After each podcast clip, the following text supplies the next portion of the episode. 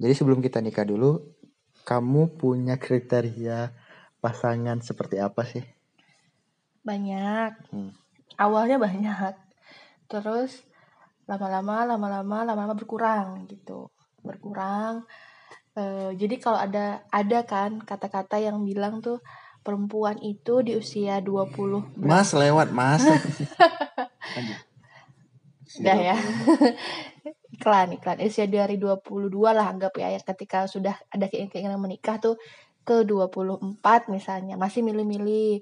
Terus ntar 25 tinggal siapa yang mau. Terus usia 30 siapa yang yaudah deh, siapa aja deh kayak gitu-gitu kan. Hmm. Nah, eh, aku sih ngelihatnya ke diri aku tuh sebenarnya sema semakin kita berumur, bukan standar kita yang semakin kurang atau akhirnya Hmm. kita jadi makin pasrah bukan tapi justru ketika kita sudah semakin dewasa kita semakin matang untuk menilai apa sih yang paling penting untuk untuk jadi kriteria pasangan kita. Jadinya tuh semakin sedikit justru justru gitu.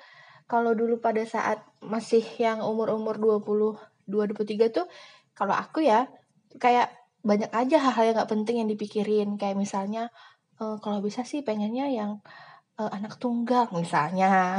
Jadi nggak repot nih misalnya gitu. Atau pengennya yang putih deh atau yang rambutnya keriting deh yang ya hal-hal yang nggak nggak penting gitu. Akhirnya ketika eh, kita mulai mau kenal aja tuh kita udah langsung kayak yang ah udah deh nggak usah soalnya dia juga bukan kriteria aku. Nah akhirnya tuh sebenarnya itu salah satu hal yang menurut aku tuh kekurangan ya. Karena akhirnya kita jadi nggak mikirin prioritas kita tuh apa sebenarnya nyari pasangan gitu. Nah akhirnya aku dulu pernah ngobrol sama em, eh bukan ngobrol sih sebenarnya aku nanya ke abang deh kalau nggak salah waktu Hmm. itu. Gimana nih bang? Gitu. Eh, kalau misalnya eh, ada yang deket nih kayak gimana? Gitu. Nah dia bilang gini kalau misalkan kita punya standar kan gini eh, ada pasti dia punya nih hal-hal yang menurut Ade itu penting untuk jadi pasangan Ade itu apa aja nih yang harus dia punya. Nah di antara semuanya itu nggak bisa semuanya.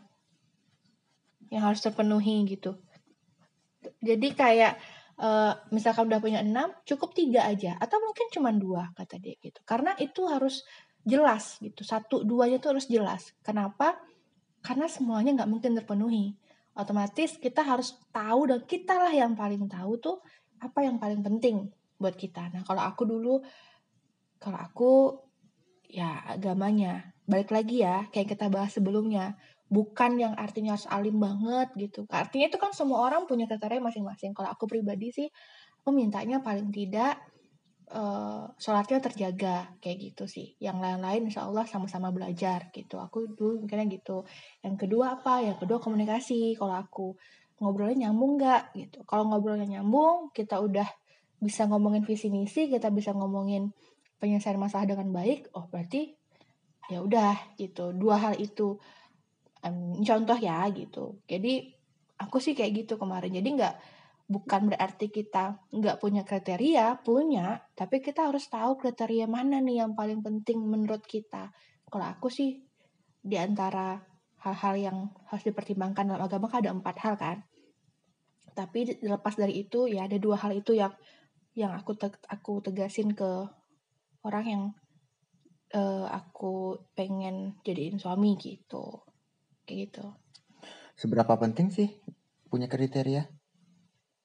Kalau buat aku, ya penting, penting banget karena kan kita semua tuh pengen yang terbaik buat kehidupan kita kan setelah kita menikah gitu. Kalau misalnya kita terlalu pasrah dengan yang datang kan kita juga nggak akhirnya kita jadi seperti tidak berusaha untuk mem- memilih yang terbaik buat hidup kita gitu loh. Ini lumayan signifikan ya untuk gimana ya patokan atau pijakan gitu. Oh iya, kayak eh, aku juga sering ngobrol kan sama teman-teman gitu. Kadang yang kita lupa adalah kita lupa untuk kemudian menjadi kriteria yang baik juga buat orang lain.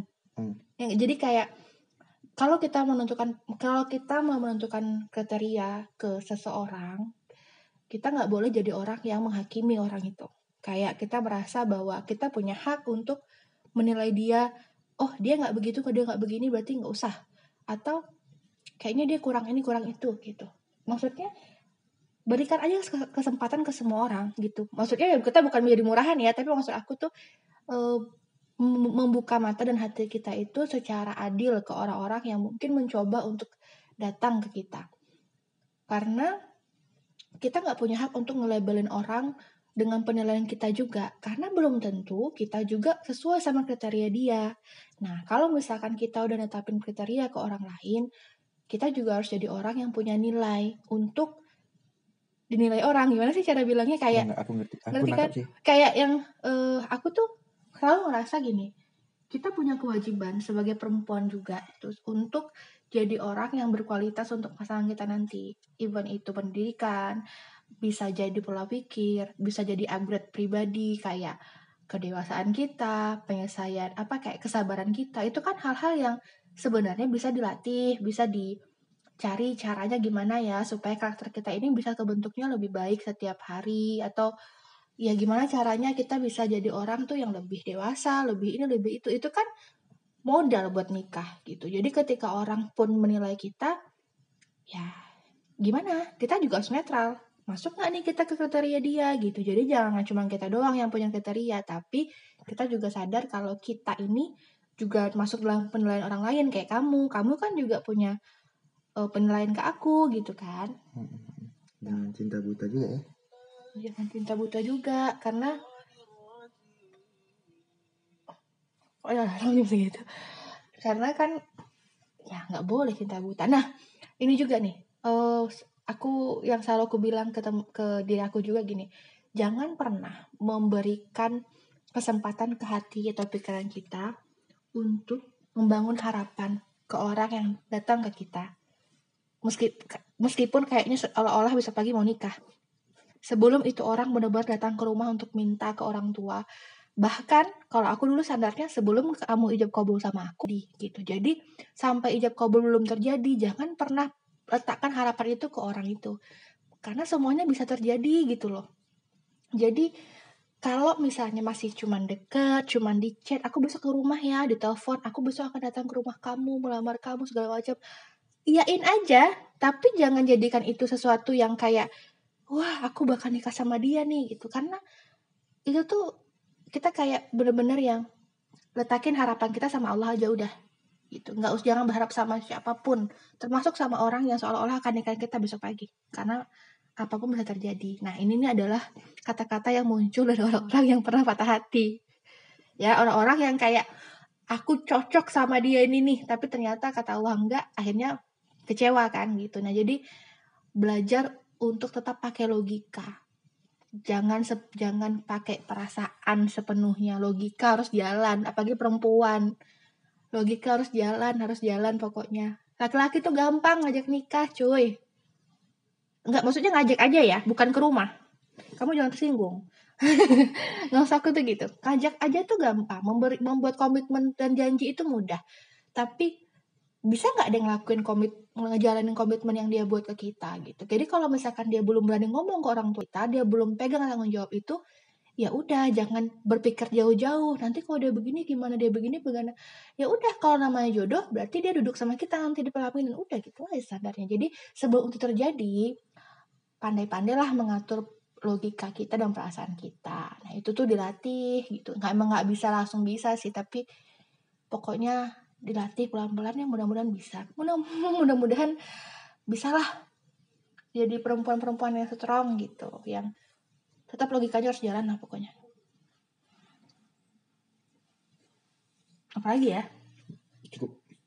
Kayaknya udah deh itu. Aku tuh ada tapi aku lupa deh mau ngomong apa. Tapi ntar deh malah kalau nanti ada lagi di podcast selanjutnya aja kali ya dibahas. Kayak itu aja deh yang penting ya. Mudah-mudahan buat semuanya terutama perempuan-perempuan ya kan? Uh, perempuan-perempuan. Ya karena kan teman-teman aku banyak perempuan dan mereka banyak ngomongnya soal ini nih soal gimana sih kok kayaknya susah kayaknya susah. Ya pasti susah. Ya, namanya kita cari jodoh yang terbaik tuh pasti susah. Tapi bukan berarti kita putus asa karena Allah pasti nyiapin yang terbaik juga buat kita. Yang penting ikhlas ikhlas dan ikhlas. Kayak jangan jadi orang yang um, apa ya kayak egois juga gitu kok jadi situ sih perginya pokoknya gitu deh kayak terima kasih banyak Baiklah, saya punya tugas membuka dan menutup saja dan me- melemparkan pertanyaan. Wabillahi taufik wal hidayah. Assalamualaikum warahmatullahi wabarakatuh.